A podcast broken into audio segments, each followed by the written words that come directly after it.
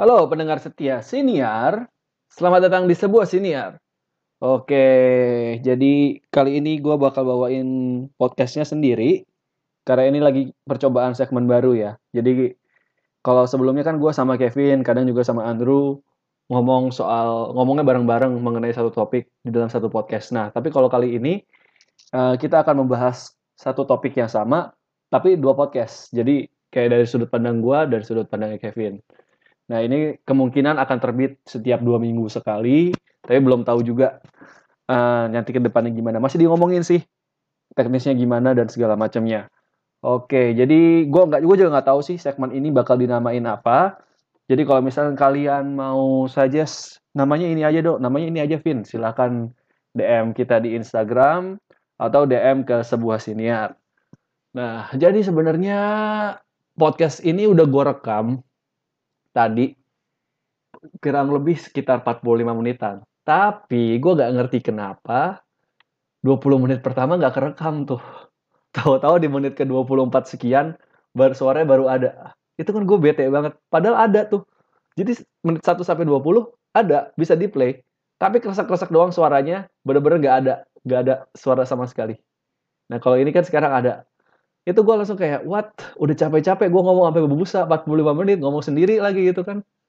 Ternyata gak kerekam gitu. Jadi jadi ini gue ulang ya. Jadi mohon maaf kalau misalkan agak lama terbitnya. Jadi awalnya gue mau terbitin ini di hari Selasa tapi Selasa tuh gue diajak pergi sama nyokap. Jadi seharian dan malam udah capek. Tambah lagi Rabu kemarin pemilu gue pergi juga sampai sore malam juga udah capek karena kemarin panas banget. Gue agak-agak pusing gitu kan tambah lagi masih hype-hype pemilu. Jadi banyak kan gue mantengin berita-berita pemilu gitulah. Nah terus kali ini gue sempetin nih. Jadi uh, kalau kalian denger ini kemungkinan bakal rilis di Kamis malam. Mungkin sekitar jam 11-an ya kalau kalian denger ini di Anchor. Tapi juga bisa kalau di Spotify mungkin baru ada di hari Jumat ya. Jadi kalau misalkan kalian dengar hari Jumat tanggal 19 ya emang biasa kan Spotify sama Anchor, Anchor upload misalnya jam 10, Spotify baru ada 5 jam setelahnya gitu kan.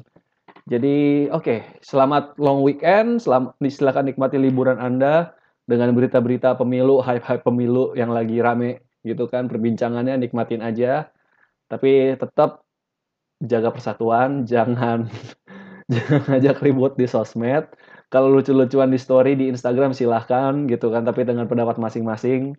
Jangan saling ngata-ngatain lah intinya di komentar, komentar partai apa, lu partai lu gak suka sama partai ini, malu kata-katain partainya gitu. Jangan kayak gitu ya. Lu gak suka paslon ini, malu kata-katain langsung di account paslonnya. Tapi kalau misalnya mau itu lu ngelawak di IG story lu silahkan, nggak masalah. Itu kebebasan lu. Tapi kalau udah ngata-ngatain di Instagramnya itu kan gimana gitu ya kayak memancing keributan gitu oke. Oke jadi uh, di podcast kali ini gue akan bahas mengenai bullying. Jadi kalau minggu lalu kan ada sempat ada berita apa namanya kasus bullying di Pontianak anak SMP dibully oleh anak SMA terus viral banyak yang komen banyak yang keluar pendapat bukan viral trending ya. Trending banyak yang keluar pendapat dari influencer-influencer, dari tokoh-tokoh ternama, bahkan juga dari pengacara kondang kita, Bang Hotman juga keluarin pendapat mengenai bullying ini. Nah, jadi gue mau bahas tentang bullying itu bukan lebih ke kasusnya Audrey ya. Kan kalau ini kan uh, udah tahu rahasia umum namanya Audrey kan, Justice for Audrey, hashtag gitu kan. Uh, gue nggak mau bahas tentang Audrey-nya atau gue nggak mau bahas tentang uh, yang ngebully Audrey. Kan simpang siur juga kan katanya hoax begini, katanya itu bener yang yang katanya hoax itu ternyata bener. Nggak tahu juga gitu kan masih simpang siur tapi berdasarkan berita resmi dan cek dok cek dari dokter, cek rumah sakit dan juga polisi konfirmasi itu hoax. Ya, gue nggak mau ngomongin itu. Yang mau gue ngomongin adalah lebih ke bullying in general. Jadi kita mau melihat sisi psikologis di balik bullying itu. Jadi bullying itu kan ada pelaku dan korban. Pelakunya disebut bully. Ya uh, korbannya sebut aja korban ya, gak, agak ada istilah gak ada istilahnya apa sih. Nah, jadi kalau misalnya kita lihat bullying itu di dalam bahasa Indonesia artinya perundungan. Kata dasarnya rundung. Kata kerjanya merundung.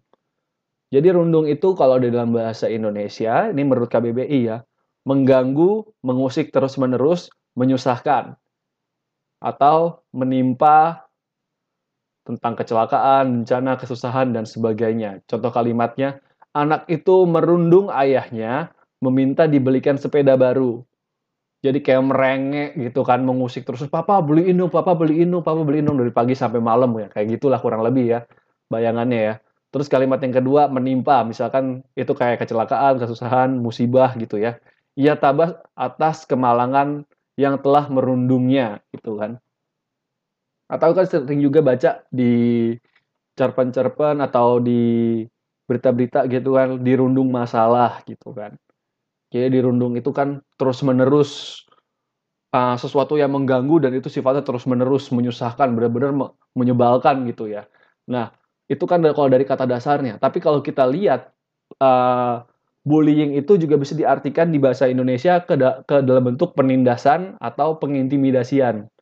Jadi ini gue ambil dari Wikipedia. Lu ambil dari Wikipedia, dok? Dari dari source yang lebih terpercaya dong, jangan Wikipedia. Wikipedia itu udah cukup terpercaya, bro dan sis. Jadi gue punya teman seorang admin dari Wikipedia, dan dia menyunting Wikipedia itu dari sumber-sumber yang jelas, sumber-sumber yang terpercaya. Jadi kalau buka Wikipedia kan di bawahnya ada referensi dan peranala luar gitu. Kalau misalkan bahasa Inggrisnya hyperlink gitu kan. Uh, apa namanya? Hyperlink apa sih gue lupa istilah Inggrisnya gue lupa apa sih? Ya pokoknya link link yang di, diambil dari mana nih? Misalkan kayak definisinya, ah, terus ada catatan catatan kakinya kan misalkan kayak dua atau tiga atau satu gitu dalam kurung. Nah itu kan kalau lu klik itu kan langsung ke klik ke bawahnya linknya itu sumbernya dari mana gitu. Jadi sebenarnya Wikipedia sumbernya cukup ini cukup relevan gitu kan kalau lu baca dari link-link yang sebenarnya gitu kan. Oke, jadi menurut Wikipedia bahasa Indonesia yang disunting oleh Wikimin temen gua itu temen tapi udah lama gak ngobrol ya. Ya, oke, okay, kalau misalkan Anda mendengar, gue nggak endorse lu sedikit ya. Oke, jadi bullying itu adalah penggunaan kekerasan, ancaman, atau paksaan untuk menyalahgunakan atau mengintimidasi orang lain. Perilaku ini dapat menjadi suatu kebiasaan dan melibatkan ketidakseimbangan ke kekuasaan sosial atau fisik. Hal ini dapat mencangkup pelecehan secara lisan atau ancaman, kekerasan fisik, dan paksaan, dan dapat diarahkan berulang kali terhadap korban tertentu. Ini ada di garis bawahi kata kebiasaan, ketidakseimbangan, dan berulang kali terhadap korban. Mungkin atas dasar ras, agama, gender, seksualitas, atau kemampuan. Tindakan penindasan ini terdiri atas empat jenis, yaitu secara emosional, fisik, verbal, dan cyber. Budaya penindasan dapat berkembang di mana saja selagi terjadi interaksi antar manusia, dari mulai sekolah, tempat kerja, rumah tangga, dan lingkungan. Oke, jadi kan kalau misalkan kasusnya Audrey kemarin yang hashtag Justice for Audrey, yang orang-orang sangat mengecam tindakan bullying itu gitu kan. Sebenarnya kalau kita mau lihat di secara historis di Indonesia, kasus bullying itu udah bisa dibilang mendarah daging. Dan di Wikipedia tadi juga dibilang ya, budaya budaya penindasan dapat berkembang di mana saja selagi terjadi interaksi antar manusia. Jadi namanya juga manusia berinteraksi dengan manusia di dalam satu institusi, baik itu sekolah, universitas, tempat kerja, rumah tangga ataupun lingkungan, di mana di situ ada manusia, bullying bisa terjadi gitu kan. Gue nggak tahu sejarahnya di Indonesia itu udah ada dari kapan, tapi pantasnya sih udah ada dari udah ada dari dulu ya mungkin dari zaman kerajaan Kutai, kerajaan Majapahit, Sriwijaya, Demak dan kawan-kawannya mungkin udah ada ya pantasnya sih juga udah ada gitu kan karena kalau misalnya kita mengacu ke kitab suci gitu kan juga banyak kasus-kasus perundungan di masa-masa yang diceritakan di kitab suci itu kan dan kalau misalnya kita mau baca lagi apa namanya dari zaman Alexander the Great atau zaman sebelum Masehi, zamannya Plato, Aristoteles kan juga ada perundungan-perundungan itu gitu kan. Oke, jadi kalau di Indonesia kan kita ngomong dalam kasusnya Audrey ya, itu kan terjadi di sekolah ya sekalipun nggak terjadi di sekolah gue nggak tahu kronologisnya gimana apakah yang ngebully ini yang ngebully Audrey ini gak usah sebut Audrey deh ya uh, karena kan kita mau angkat konteks sekolah gitu ya. Jadi itu kan terjadi di sekolah. Jadi kan mungkin ada senior dan junior atau mungkin orang tertentu dengan uh, mungkin sekolah lain gitu kan. Yang penting kan antar sekolah. Dan itu kan mulai di sekolah. Waktu mungkin di SD mungkin juga udah ada terjadi atau bahkan TK, TK juga bisa aja ada. Mungkin uh, orangnya aneh dikit, anak TK kan biasa brutally honest gitu ya. Lihat temannya aneh gitu kan. Mungkin dia matanya belok, terus dikatain dasar kamu mata ikan gitu. Dulu ada loh temen gua kayak gitu loh. Gak ngatain gua tapi ngatain temen gua. Emang tuh temen gua tuh matanya besar gitu, belok gitu kan. Dikatain dasar kamu mata ikan. Ya ampun, terus didengar gurunya lagi. Bayangin anak TK udah ngatain kayak gitu gitu kan. Jadi sebenarnya bullying itu udah udah mendarah daging lah ya. Tambah lagi kan kalau di sekolah, kenapa itu lebih dikasih makan? Mungkin kalau di SD nggak gitu terlihat secara parah ya bullyingnya ya. Karena namanya juga anak SD paling berantem di diketemuin ke kepala sekolah atau ke ruang BK udah bermaafan lagi, besok udah main lagi gitu kan. Nah, tapi kan mulai ada secara parah bullying tuh di menjelang usia remaja dan di usia remaja. Ya, biasa kelas 6 SD, kelas 5 SD itu udah mulai kelihatan tuh bibit-bibit bully yang ada dan di SMP juga makin terlihat. Sebenarnya kalau kita ngomong di sekolah dan di universitas, bullying itu kan kerap kali terjadi ketika masa orientasi siswa atau MOS atau ospek lah istilahnya kalau kuliah. Jadi kayak uh, anak baru dari SD ke SMP ceritanya diajarin dunia SMP tuh beda dengan dunia SD dan ini aja yang ini yang akan kamu hadapi. Ya meskipun ada guru-guru yang menyampaikan materi gimana me cara mengenal diri gitu kan, gimana cara uh, mengeksplorasi diri, gimana cara apa namanya belajar di sekolah ini gitu kan nilai-nilai sekolah ini apa, peraturannya gimana aja. Tapi kan di luar itu kegiatan MOS yang biasanya satu minggu full, mungkin dari Sabtu sampai Sabtu gitu kan. Atau dari Senin sampai Sabtu gitu kan. Biasanya kita ada kakak MOS dan sejenisnya. Seringkali kakak-kakak MOS itu, senior-senior itu juga gak sedikit yang memanfaatkan ajang itu untuk bullying bullyingnya bullying terstruktur bukan bullying yang nggak terstruktur secara random gitu loh jadi kayak oh kamu anak baru harus menyapa kami dengan sapa-sapaan tertentu. Gayanya harus gimana gitu kan. Kamu besok harus bawa ini ya. Kata kuncinya ini kamu cari dah tuh. Kan susah nyarinya gitu kan. Kayak misalkan waktu itu uh, suruh, suruh cari makanan dengan kata-kata kata kunci tertentu, tertentu gitu kayak waktu contohnya pas waktu SMA tapi ini jadi menarik sih. Jadi karena jadi ini ya saling tanya ini apa sih maksudnya ini apa sih maksudnya gitu kan. Jadi satu kelompok jadi kelompok MOS itu kan jadi jadi jadi kompak jadi akrab. Positifnya di situ gitu kan. Kalau misalnya memecahkan teka-teki dan makanan uh, untuk makanan dan mungkin dress code atau apa benda yang harus dibawa untuk untuk besoknya gitu kan. Kayak contohnya waktu SMA gue disuruh bawa minuman yang namanya pembantu yang dibayar menitan. Apaan pembantu yang dibayar menitan? Ternyata Minute Maid. Gue langsung, oh iya Minute Maid. Minute Maid Pulpy Orange atau Pulpy Mango atau Apple. Atau apa yang lidah buaya juga ada ya rasanya ya. Ya ini gue nggak gue nggak di endorse ya. Tapi kalau mau endorse silakan ya. Uh, kayak gitu contohnya. Terus ada juga minuman di hari keberapa gitu, Teletubbies cari peluh. Apaan Teletubbies cari peluh? teman gue ngomong itu peluh apaan peluh bahasa Inggrisnya peluh sweat. Ya minuman dari sweat. Pokari sweat. Kok Pokari sweat? Iya kan? Pokari sweat tulisnya gimana? Po cari sweat. Oh iya. Po itu teletabis. Mencari peluh. Po cari sweat. Kayak ah bisa bisa bisa. Kayak begitu contoh-contohnya. Itu tapi kan itu nggak terlalu menyusahkan ya. Itu kan malah jadi fun malah asik nih asik. Tapi kan ada juga yang sangat tidak mungkin dibawa, sangat tidak mungkin dicari gitu kan. Sampai akhirnya ya contohnya waktu itu suruh bawa tanaman apa gitu dan kebetulan di deket ini teman gue yang kena ya. Karena kan biasa tugas dari kelompok, tiap kelompok berbeda-beda. Teman gue yang kena disuruh cari tanaman tanaman hias yang langka. Akhirnya dia cari ngubek-ngubek toko tanaman di sekitarnya nggak ada terus akhirnya gimana besoknya dihukum hukumannya aneh lagi hukumannya sangat tidak manusiawi gitu kan. Dan itu dihukumnya di hadapan publik gitu loh. Ini waktu dulu ya. Ini gue lupa waktu SMP atau SMA yang soal tanaman ini gitu. Jadinya sesuatu yang itu kan jadi secara gak langsung ah, senior berasa kayak iya gue salah gue gue guilty gue bersalah gue nggak memenuhi tugas dengan baik gitu kan. Itu kan jadi gimana ya mau ngajarin tapi nggak relevan.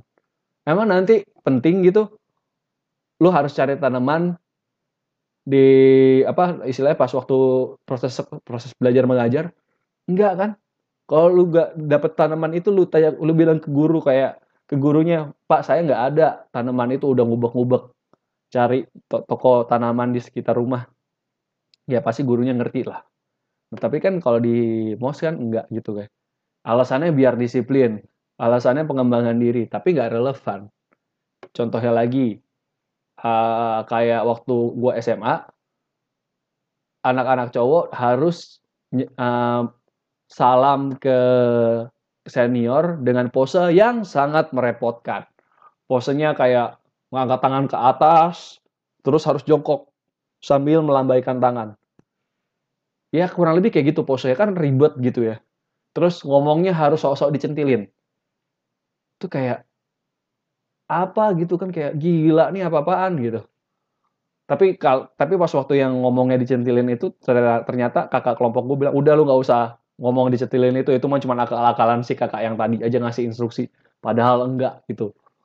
Nah ternyata emang enggak gitu kan. Kakak-kakak yang lain sepakat untuk enggak gitu kan. Terus gue nanya kan ke kakak kelompok gue kak kenapa harus begini sih? Gayanya kan ini kan nggak enak. Terus kalau kelompok gue ya gimana? Gue juga nggak setuju gitu kan. Tapi eh, orang-orang lain yang lain setuju. Gimana kan? Itu kan atas dasar rembukan bareng-bareng gitu kan. Ya akhirnya pas berjalannya mos menyapa senior dengan kayak begitu pas ada guru yang kebetulan ada guru yang lewat itu gurunya guru yang cerewet guru yang ribet banget. Terus si guru itu ngomong kayak ini apa-apaan? Salamnya begini. Kamu jadi senior ngajarin yang bener dong. Ya diceramahin lah segala macam. Akhirnya itu guru ngomong di depan di, di lapangan ya waktu itu. Apa di aula gue lupa. Ngomong ke seluruh anak-anak mos kayak kalian harus ganti ini. Tapi juga ngomong ke kakak-kakak osis ya ganti salaman salam macam apa? Kayak begini. Ya akhirnya salamnya diganti dengan yang lebih manusiawi. Jadi ya cuman nganggukin kepala. Sebenarnya kan tujuan salam itu kan untuk supaya lu sopan sama senior. Lu hormatin senior gitu kan. Nyapa pagi kak, siang kak, sore kak. Gitu kan. Tapi kan jadinya kayak apa sih ya? Lu mau ngelatih keramahan, ngelatih kesopanan, tapi masa emang harus dengan cara-cara yang memalukan? Kan enggak. Gitu kan. Jadi kayak gua gua kan waktu itu kuliah di fakultas psikologi ya. Dan masa ospek psikologi itu menurut gue cukup menyenangkan. Meskipun ada beberapa yang bilang nggak cukup uh, kurang menyenangkan, terlalu kekanak-kanakan atau gimana gitu. Tapi gue gua, gua merasa itu fun dan cukup membantu eksplorasi diri mahasiswa, calon mahasiswa waktu itu gitu ya. Uh, jadi di psikologi nggak ada tuh salam-salam yang aneh-aneh. Pokoknya cuma ngomong, iya lu kalau mau menyapa kita, uh, nanya ke kakak senior, jadi kayak dikasih tugas untuk ngewawancarain kakak kakak senior, tapi harus dengan four magic words permisi, maaf, terima kasih, sama tuh lagi, tolong, iya, permisi, maaf, terima kasih, tolong. Jadi uh, kalau menyapa senior dalam tugas mau wawancarai senior atau ketemu senior atau ketemu kakak kelompok, seenggaknya kalau mau mau ngomong sesuatu harus pakai satu atau dua dari dari four magic words itu kayak misi kak, maaf mau nanya gitu. Misi Kak, maaf nih saya mau minta tolong mau untuk uh, untuk tugas apa waktu itu masa bimbingan istilahnya mabim gitu kan. Itu kan benar dan juga waktu di psikologi ya, ya namanya juga fakultas psikologi gitu. Kita ngerti psikologi orang, nggak mungkin kita malah ngebully orang di masa orientasi gitu kan. Psikologi kan tentu mempelajari kan kalau kalau semua orang itu bisa jadi dia punya personal issue yang ada di dalam keluarganya kah, di dalam hidupnya gitu, mungkin dengan temannya, dengan lingkungannya gitu kan. Jadi ya ya kayak begitu. Uh, apa istilahnya nggak nggak bisa lo di fakultas psikologi ospek-ospeknya dengan cara-cara yang tidak manusiawi gitu kan. Nah waktu itu jadi lebih banyak diajarin ini gue cerita jadi jadi cerita tentang mos padahal ngomongnya bullying ya lebih banyak diajarin tentang eksplorasi diri tapi caranya yang benar kan sering kali kan ngomong kayak uh, di beberapa fakultas-fakultas tertentu gitu ya ya kalian tahu lah fakultas apa gue gak perlu sebut yang biasanya di tiap kampus ini agak-agak militer gitu kan agak-agak fisik gitu kan. Uh, harus push up berapa kali harus harus apa kalau misal hukumannya harus buka baju tidur di luar gitu kan selama berapa berapa jam. Masalahnya ya ini buat pelaku-pelaku yang masih lakuin ini nih gue gue tanya aja. Emang tuh ngaruh ke IPK gue tanya sekarang orang kuat push up itu ngaruh ke IPK nggak lu kan mau bikin orang jadi pinter masuk kuliah itu IPK-nya tinggi tugasnya kelar skripsinya lulus tepat waktu jadi orang yang bisa kerja nanti. Emang dia tahan dingin itu ngaruh ke IPK dia? Sejak kapan tahan dingin jadi ngaruh ke IPK? Atau disuruh push up? Push up berapa kali gitu? Push up emang ada hubungan sama IPK? IPK hitung-hitungan gitu, IPK menghafal buku, menghafal teori gitu. IPK mengaplikasikan teori hubungannya sama fisik itu ada gitu. Ayo, sekarang gue tanya aja. Ada nggak kayak begitu? Coba pikir aja deh lain kali. Jadi gini, maksud gua ngomong gini adalah lu kasih hukuman di masa orientasi itu yang relevan. Tugasnya apa? Tugasnya misalkan wawancara senior. Dia nggak bisa gagal memenuhi tugas.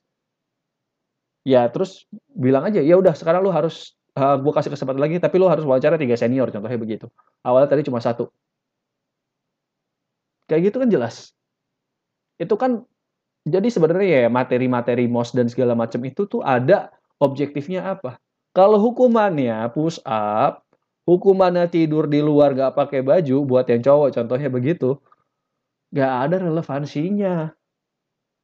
Terus kalau misalkan kalian ngomong ya tapi kan kita kan militer militer misalkan kayak sekolah militer gitu ya semi militer Ya nggak masalah kayak begitu, tapi yang tapi yang nggak sampai anak orang digebukin luka organ dalam. Udah berapa banyak kasus-kasus kayak begitu. Senior gebukin junior, organ dalamnya rusak, patah tulang, memar di dalam, telat dapat penanganan karena lokasinya di gunung, meninggal. Yang dituntut kampus. Padahal yang ngelakuin siapa? Senior. Nah itu kayak gitu-gitu tuh. Relevansinya nggak ada. Lu mau latih dia fisik ya latih fisik, latih disiplin. Tapi kalau digebukin biar biar jerak gitu, biar dia kapok, ya jangan digebukin sampai mati juga. Kan lu nggak tahu dia ada luka dalam atau apa. Kan lu nggak ngerti. Ketahanan fisik orang beda-beda. Dan juga demikian juga ketahanan psikologis orang-orang. Nggak bisa lu kayak begitu kan.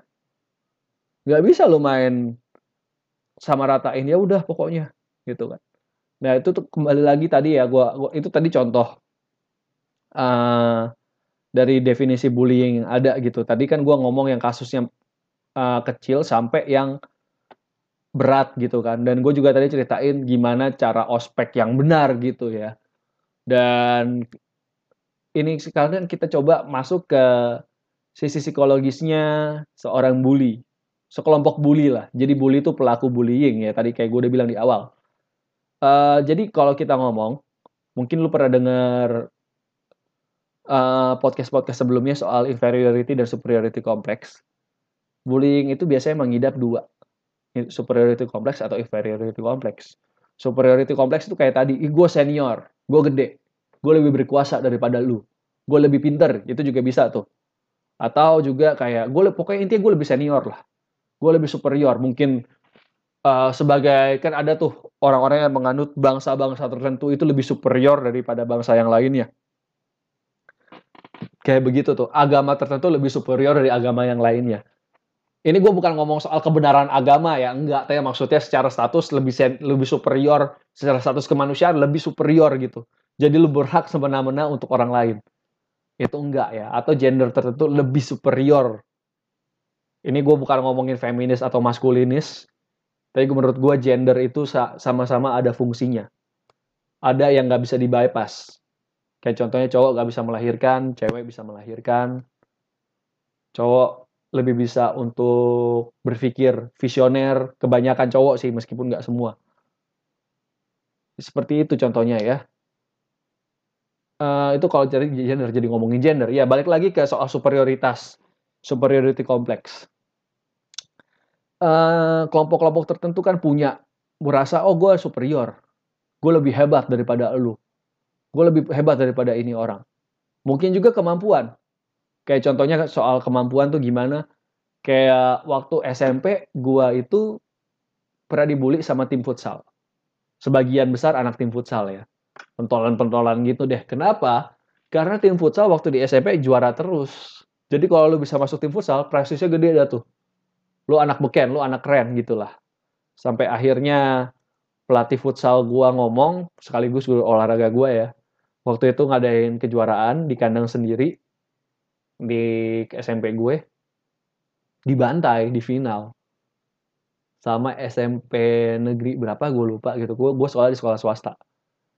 Terus guru guru futsal gue guru olahraga gue ini ngomong ke ini gue sengaja pilih kalian lawan ini karena mereka levelnya udah ada tiga orang yang ikut pon dan yang ikut pon ini ngajarin ke temen-temennya gimana main bola. Kalau lu pada ini kan kayak disebutlah beberapa nama ini kan lu pada jago karena skill individual akhirnya waktu itu dibantai kalau nggak salah skor akhirnya 10-2 gitu dan itu tuh mem membuat tim futsal tuh mentalnya jadi kayak gila ya ternyata kita bukan apa-apa gitu. Padahal di tahun lalunya di, di turnamen tahun lalunya tim futsal tuh pokoknya finalnya tim fut, tim A lawan tim B di di, di SMP gua tuh kejuaraan antar SMP padahal. Jadi pas tahun depannya ya guru futsal guru, guru olahraga gua ngomong gitu biar kalian gak gede kepala. Barulah setelah itu bullyingnya mendingan. Jadi gue dibully sama tim futsal gara-gara gue gak jago main futsal. Bapuk gitu. Tapi namanya juga anak SMP gitu, anak remaja. Gue mau keren juga deh, gue main futsal. Ya, tapi sampah skillnya gitu kan. Ampas, ya udah otomatis auto bully gitu kan. namanya juga anak SMP kan, pengen keren gitu kan. Ya nggak masalah lah ya. Tapi ya kayak gitu contohnya. Itu dia kan mereka merasa lebih superior emang gue dibulinya nggak sampai yang dipukulin gitu sih, nggak masalah juga gitu, gak cuman verbal aja, tapi mereka cukup mengintimidasi kadang-kadang gitu kan. Mana ada yang badannya tinggi banget lagi kan, ada waktu itu SMP tinggi 188. Nah bro, kalau lu denger ya, gue bukan mungkin-mungkin masa lalu gitu, gue udah udah udah udah slow lah gitu kan, udah nggak masalah dengan kalian ya, gue ngerti juga waktu itu kan masa-masa remaja gitu ya. Uh, apa kasus bullying atau apa keren-kerenan dia mau jadi pentolan, gue juga ngerti lah psikologi kalian, gue juga ya gue belajar psikologi gitu kan. Kalau kalian udah sukses dan kalian denger ini gitu kan ya oke. Okay. congrats buat lu pada bro gitu kan. Ini gue cuma ngambil ngambil contoh soal bullying aja gitu kan. Nah jadi itu contohnya. Mereka jago futsal gue enggak. Ya udah gue dibully deh. Kayak gitu contohnya tuh. Atau mungkin juga dengan yang uh, sekelompok tertentu yang merasa lebih superior membuli kelompok yang dirasa aneh mungkin secara pemikiran, mungkin secara selera. Kayak contohnya waktu anak SMP gitu kan, gue temennya temenan sama anak-anak yang main game gitu kan. Sampai SMA juga gitu sih. Ya anak-anak yang jago musik tuh kayak apa sih lu kok lu main game? Itu game anak kecil kali. Ya lah padahal itu game ratingnya 13 plus. Masa game anak kecil rating 13 plus gitu kan. Emang gamenya game usia segitu gitu kan. Kayak waktu Final Fantasy, Kingdom Hearts gitu kan. Tales of apa waktu itu Tales of Destiny dan lain-lain gitu kan. Tapi ada yang ngomong kayak gitu, ini mah game apa lu dasar? Ya kalau sekarang di dibulinya dasar wibu gitu kan. Kalau dulu gak ada istilahnya wibu gitu kan. Gak belum tahu istilah wibu gitu kan. Paling dulu otaku lu ya. Taunya otaku doang bukan wibu. Nah, uh, kayak gitu-gitu contohnya. Itu kan dibully. Biasa diintimidasi, dikata-katain, apa lu, apa gitu, diprototin gitu kan. Atau di atau lagi kita lagi lewat nih padahal nggak nggak ada sangkut pautnya gitu. Kadang nggak nggak di apa nggak di masalah apa ya? Kita nggak ada masalah apa-apa. Kita lagi lewat mungkin cara jalan kita aneh atau mungkin kita mukanya lagi ngantuk tiba-tiba temen uh, karena mereka lagi nongkrong gitu ya di di koridor sekolah itu ngomong eh lu lihat tuh lihat lihat tuh si Aldo. Mukanya kayak gini ya kayak apalah gitu. Lihat tuh mata yang ngantuk gitu. Pada terus lain ketawa gitu kan seneng gitu kan. Contoh kayak begitu. Itu kan itu kan mengintimidasi men. Kayak anjir lah gue gak males berteman sama dia gitu. Padahal setelah mereka udah nggak satu geng lagi nggak nggak nggak nggak nongkrong lagi uh, terus gue ngobrol sama salah satunya kan karena waktu itu sekelas juga kan. Eh bro tadi sorry ya gue ketawain lu. Ya emang kenapa sih? Emang gue kayak gitu? Enggak gue cuma ke bawah suasana aja.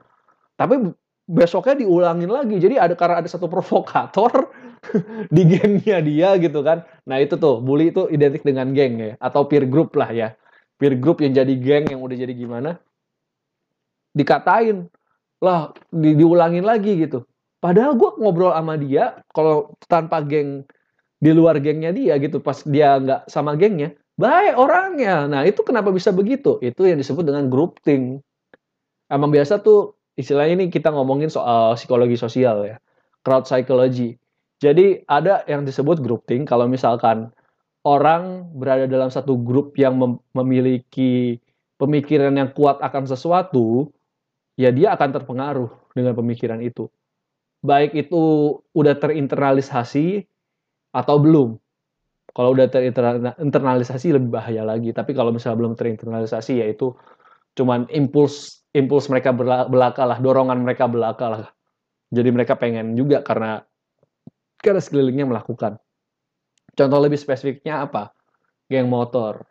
Banyak kan tuh kalau kita lihat kasus-kasus di TV, di koran gitu kan, geng motor ditangkap banyak kan anak-anak SMP, anak-anak SMA.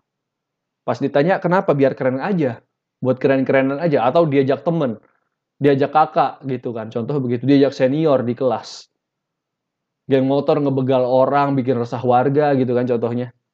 Itu kan yang yang meresahkan dan udah parah bahkan sampai merenggut nyawa gitu kan. Anak-anak SMP anak-anak SMA ya karena itu tadi. Bisa jadi dia gak ngerti apa-apa tapi ikut-ikutan biar keren ya udah. Kalau mau keren lakuin ini. Itu kan group thing. Conformity dia jadi conform sama grupnya. Conform tuh ya bukan kompromi ya, conform itu jadi serupa lah dengan grupnya secara pemikiran dan tindakan. Padahal kalau misalnya ditanya internalisasi nilai-nilainya belum tentu tahu. Nah demikian juga dengan agama. Ini gue jadi ngomongin remaja ya. Jadi kan kalau remaja kan banyak banget yang rentan kena agama-agama yang ngawur gitu kan. Agama-agama yang ajarannya, gue nggak bukan gue bukan bilang agama sesat ya, tapi ajaran agama yang cenderung menyimpang dari ajaran yang sebenarnya gitu. Ya itu itu kata-katanya lebih enak gitu. Misalkan ikut gereja tertentu yang pengajarannya kurang sehat gitu kan atau ikut pengajian tertentu yang ternyata disisipi paham eh, paham-paham aneh gitu kan. Dan juga ya kayak begitu. Jadi kalau misalkan kalian nonton demo gitu ada bocah-bocah SMP, bocah-bocah SMA, anak-anak SMP, anak-anak SMA bisa jadi kalau misalnya ditanya lu ngerti gak ini demo apa enggak, enggak ngerti paling cuma ngomong jawabannya sama. Kayak contohnya waktu itu ya uh, pas waktu tahun 2000 berapa sih itu yang demo demo taksi konvensional yang supir taksi sampai ngancurin taksi orang lain. Terus pas ditanya, "Bapak demo kenapa?" Terus jawabannya template tuh sama sama semua. Ya kurang lebih karena dia dengar, oh jawaban yang benar gitu, jawaban yang benar itu tuh itu jadi grouping. Karena dia nggak tahu sebenarnya yang terinternalisasi dalam dirinya nggak keluar. Cuman karena itu rame-rame, asiknya rame-rame lah istilahnya kalau grouping, kalau confirm tuh gitu. nah, bullying tuh kerap kali terjadi karena itu. Confirm, grouping, yang akhirnya kalau ditanya, lu menyesal nggak? Iya, gue menyesal. Tapi kenapa lakuin lagi? Kalau bareng-bareng gengnya ya karena itu. Asiknya rame-rame. Gue merasa diterima di geng itu. Jadi kalau misalnya kita ngomong soal remaja ya, remaja yang melakukan bullying tadi kalau ada inferior apa superiority dan inferiority kompleks salah satunya tuh ada kebutuhan untuk diterima. Mereka mereka merasa superior tapi mereka juga punya kebutuhan untuk diterima. Demikian juga yang inferior. Inferior kan ngebully orang untuk supaya dia kelihatan superior. Dia supaya ada dia dia bisa pengen diterima gitu kalau misalkan. Kalau superior itu pengen diterima dan diakui kalau iya lu emang hebat gitu. Tapi kalau inferior itu lebih ke uh, supaya gue keren. Jadi bukan pengakuan, iya lu hebat, lu lu lu lu maha dahsyat gitu, lu lo orang yang berkuasa di situ, terlepas latar belakangnya dia apa, mungkin anak sultan, anak pejabat, atau anak orang kaya, atau anak CEO gitu ya. Tapi superiority complex tuh untuk memvalidasi kalau dirinya emang kuat, emang jago. Tapi kalau inferior, inferiority complex adalah supaya dirinya bisa manjat ke uh, superior itu. Dan inferior, inferiority complex tuh kayak lobang, kayak loop, loop, loop, loop, iya loop. Muter aja terus bakal terus merasa inferior, coba lagi berasa inferior lagi, coba lagi. Jadi ya kayak roda. Padahal uh, ini kalau kita ngomongin soal thinking, think, apa irrational belief-nya ya, semuanya sama. Gak ada inferior, gak ada superior, semuanya sama. Oke, lu lebih superior mungkin dalam segi harta, dalam segi kemampuan, tapi dalam sisi lain mungkin lu nggak lu nggak punya apa yang dia punya. Itu kan kalau berpikir sehatnya begitu gitu. Tapi kan kalau remaja kan namanya juga masih dikuasai oleh gejolak-gejolak emosi uh, apa cinta dan kasih sayang gitu kan. Ya mereka kayak begitu. Itu tadi gua kalau ngomong inferiority complex jadi orang ngebully supaya menunjukkan gue lebih superior dari lu. Gue gak inferior. Ya mirip sih jadi kayak superiority complex tapi psikologi di baliknya inferior pengen jadi superior. Nah, bahayanya bullying ini adalah bisa sampai kepada genosida loh. Kalau misalnya tadi kan ngomong tindakan penindasan terdiri atas eh bukan yang ini. Uh, mana nih? Nih, iya, penindasan fisik. Penindasan fisik itu kayak dipukulin gitu kan kayak tadi yang gue ngomong. Ada beberapa sekolah-sekolah di Indonesia yang yang udah tercium bau bullyingnya kerap kali terjadi senioritas gitu kan banyak ditemukan junior yang luka luka dalam terus meninggal gitu kan. Itu karena bullying fisik penindasan fisik gitu ya. Kalau penindasan psikologis itu biasa menimbulkan trauma kayak tadi. Contohnya jadi terintimidasi sama kelompok-kelompok tertentu gitu. Itu tapi kan kalau gue tadi kasih contohnya di sekolah gitu ya. Bayangin kalau misalnya di jalan anda lagi jalan-jalan terus ada satu kelompok orang tertentu begitu kan dengan atribut-atribut tertentu ngebully anda ngebully kalian ngebully bro dan sis ini dan akhirnya terintimidasi dan jadi takut sama kelompok itu. Gitu kan.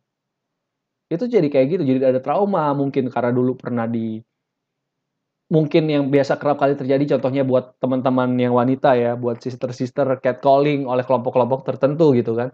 Jadi kalau lihat orang-orang dari kelompok tertentu itu bawaannya udah kesel aja gitu kan bawaannya udah mau kabur aja gitu kan. Terus juga bisa menimbulkan depresi bisa aja kayak contohnya kasusnya Audrey kan katanya Audrey depresi gitu kan.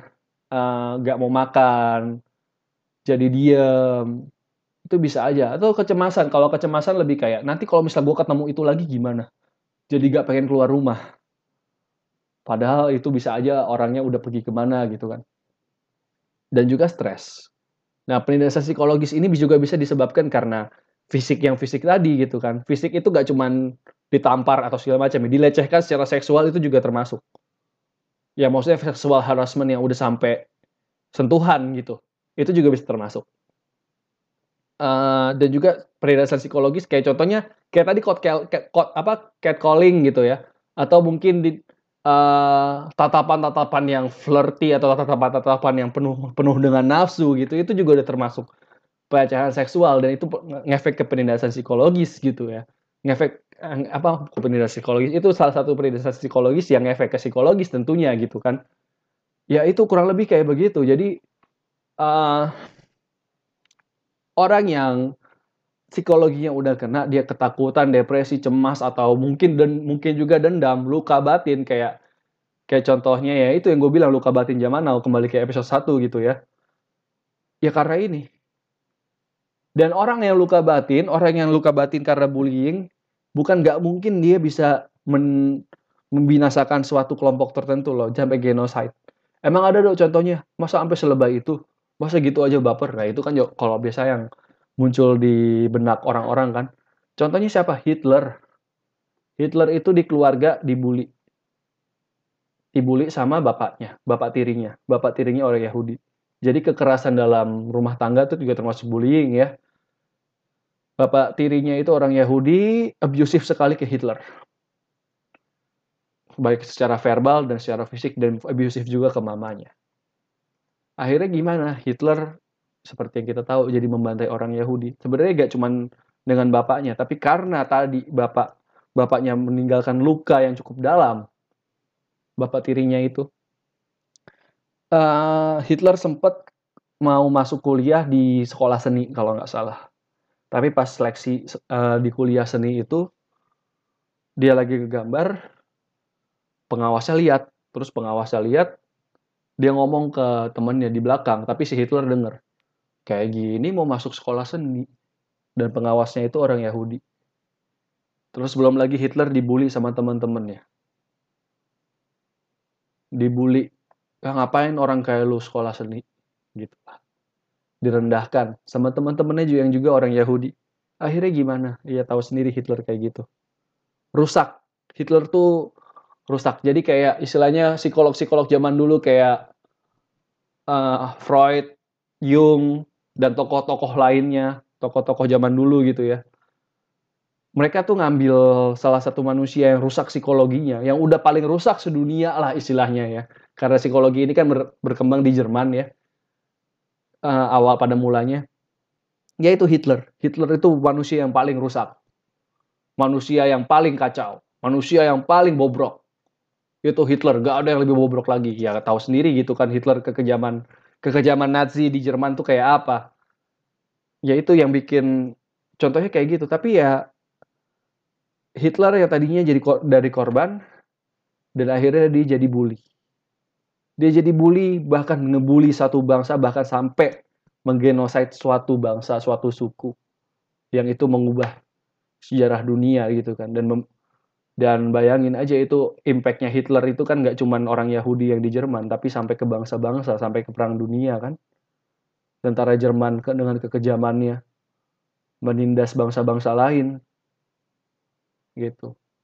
Dan juga itu yang menginfluence Jepang untuk bangkit salah satunya ya kalau misalnya kita ngomong sejarah. Menginfluence Jepang untuk bangkit dan untuk jadi superior di Asia gitu. Itu kan juga bentuk penindasan bentuk bullying terhadap bangsa-bangsa yang udah skalanya global. Ternyata itu ya serem ya bullying. Perang dunia itu juga bullying tapi skalanya masif. Skalanya apa namanya skalanya internasional dunia. Kayak gitu loh uh, jadi ini sih pesan gue kayak korban itu bisa jadi bully.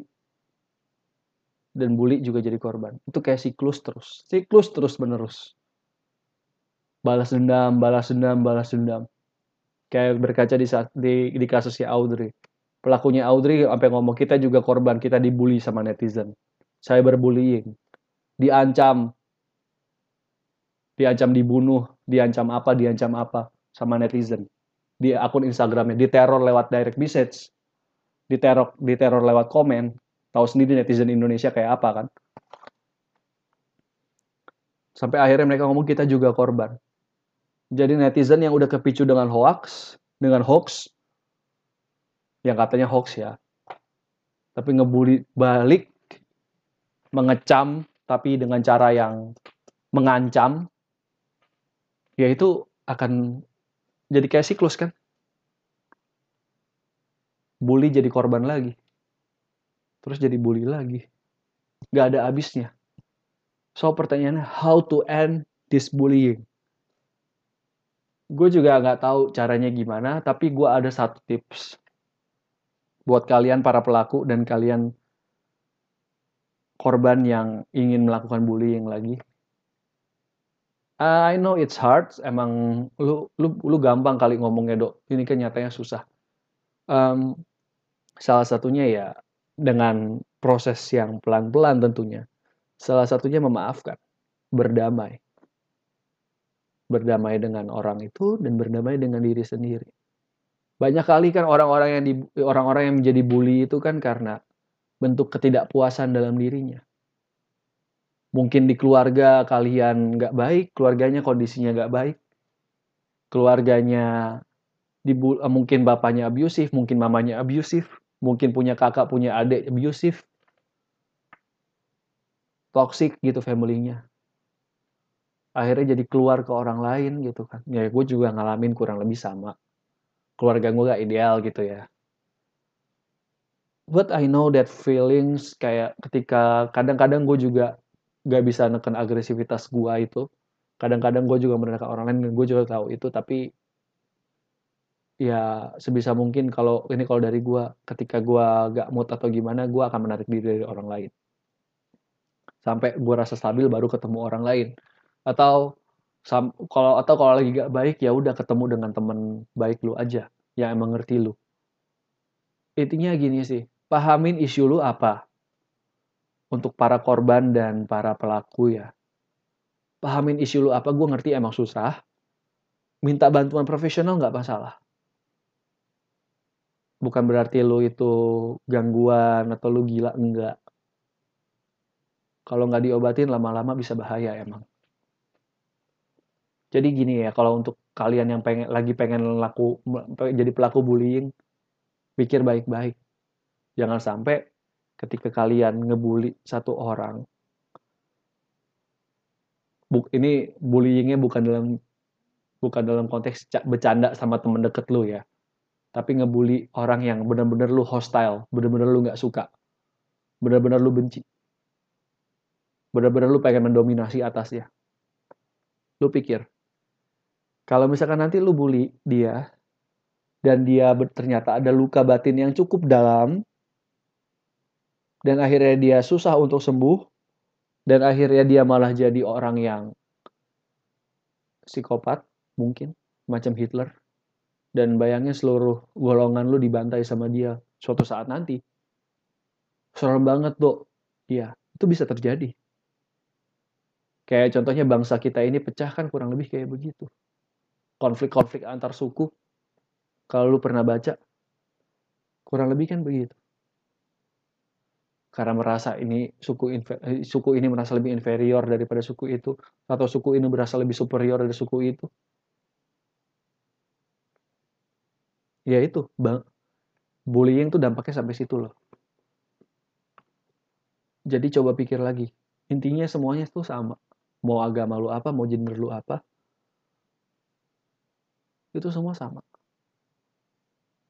emang mungkin kadang ada orang-orang tertentu yang kita merasa kayak ini ini tipe manusia rendahan. Ini tipe manusia rendah karena kelakuannya kayak begini. But hello coba pikir lagi. Kalau lu ada di posisinya dia gitu di dalam ruang lingkup sosial ekonomi yang sama mungkin atau di tempat tinggal yang sama mungkin juga lu akan jadi seperti dia. Istilahnya gimana ya ini gue jadi ngomong agak filosofi sedikit. Dunia ini kan kita memikirnya yang ideal begini, yang ideal begitu, dan kita mikir selalu hidup kita nggak adil. Karena nggak ideal, karena nggak sesuai dengan idealisme kita. Tapi faktanya bisa jadi ada aja yang orang lain yang pengen hidupnya jadi lu gitu. Bisa jadi orang yang lu iri, yang lu kepengen, yang lu merasa inferior atas orang itu karena dia terlahir dari suku apa, terlahir di agama apa, terlahir di golongan apa. Bisa jadi juga dia pengen jadi orang dari suku lu, orang dari agama lu, atau orang dari golongan lu. Dasarnya orang ngebully kan karena inferior dan superior tadi yang gue bilang. Itu salah satu pandangan dasarnya aja ya. Sebenarnya ada banyak pandangan lain, tapi pandangan paling dasarnya itu. Superior dan inferior. Jadi kalau gua rangkum kenalin isu lu apa? Buat temen-temen yang hobi ngebully gitu ya. Stop it bro, stop it sis. Make make make this world a better place. Know yourself, know your issue. Cari penyelesaiannya gimana. Mungkin it takes one year, five years, ten years maybe. Tapi life goes on. People develop kadang isu lu lu gak menang di tahun ini di tahun depan lu juga bisa lu, lu masih bisa menang atas isu lu itu. Cari cari pertolongan sama orang yang tepat. Itu aja udah. Ya jadi daripada mem, mem, apa namanya melanjutkan cycle bullying bullying itu terus stop it. Mulai dari diri sendiri aja. Dari situ. Kalau misalkan lu menyakiti orang lain ya minta maaf minta maaf juga sama diri lu sendiri. Mungkin lu berpikir gue pengen jadi kayak begini tapi gue nggak bisa. Akhirnya lu nggak menerima diri lu apa adanya. Padahal salah satu syarat untuk orang berubah dan improve adalah menerima dirinya apa adanya. Kok bisa begitu? Itu nanti gue akan bahas di podcast lain soal menerima diri apa adanya. Itu ya.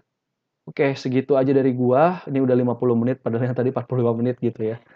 Jangan apa terus belajar jadi manusia dan know yourself, know others people. Connect with yourself, connect with others, and connect with your environment, your surrounding. Itu aja dari gua. Oke, sampai jumpa di siniar-siniar berikutnya. Bye-bye.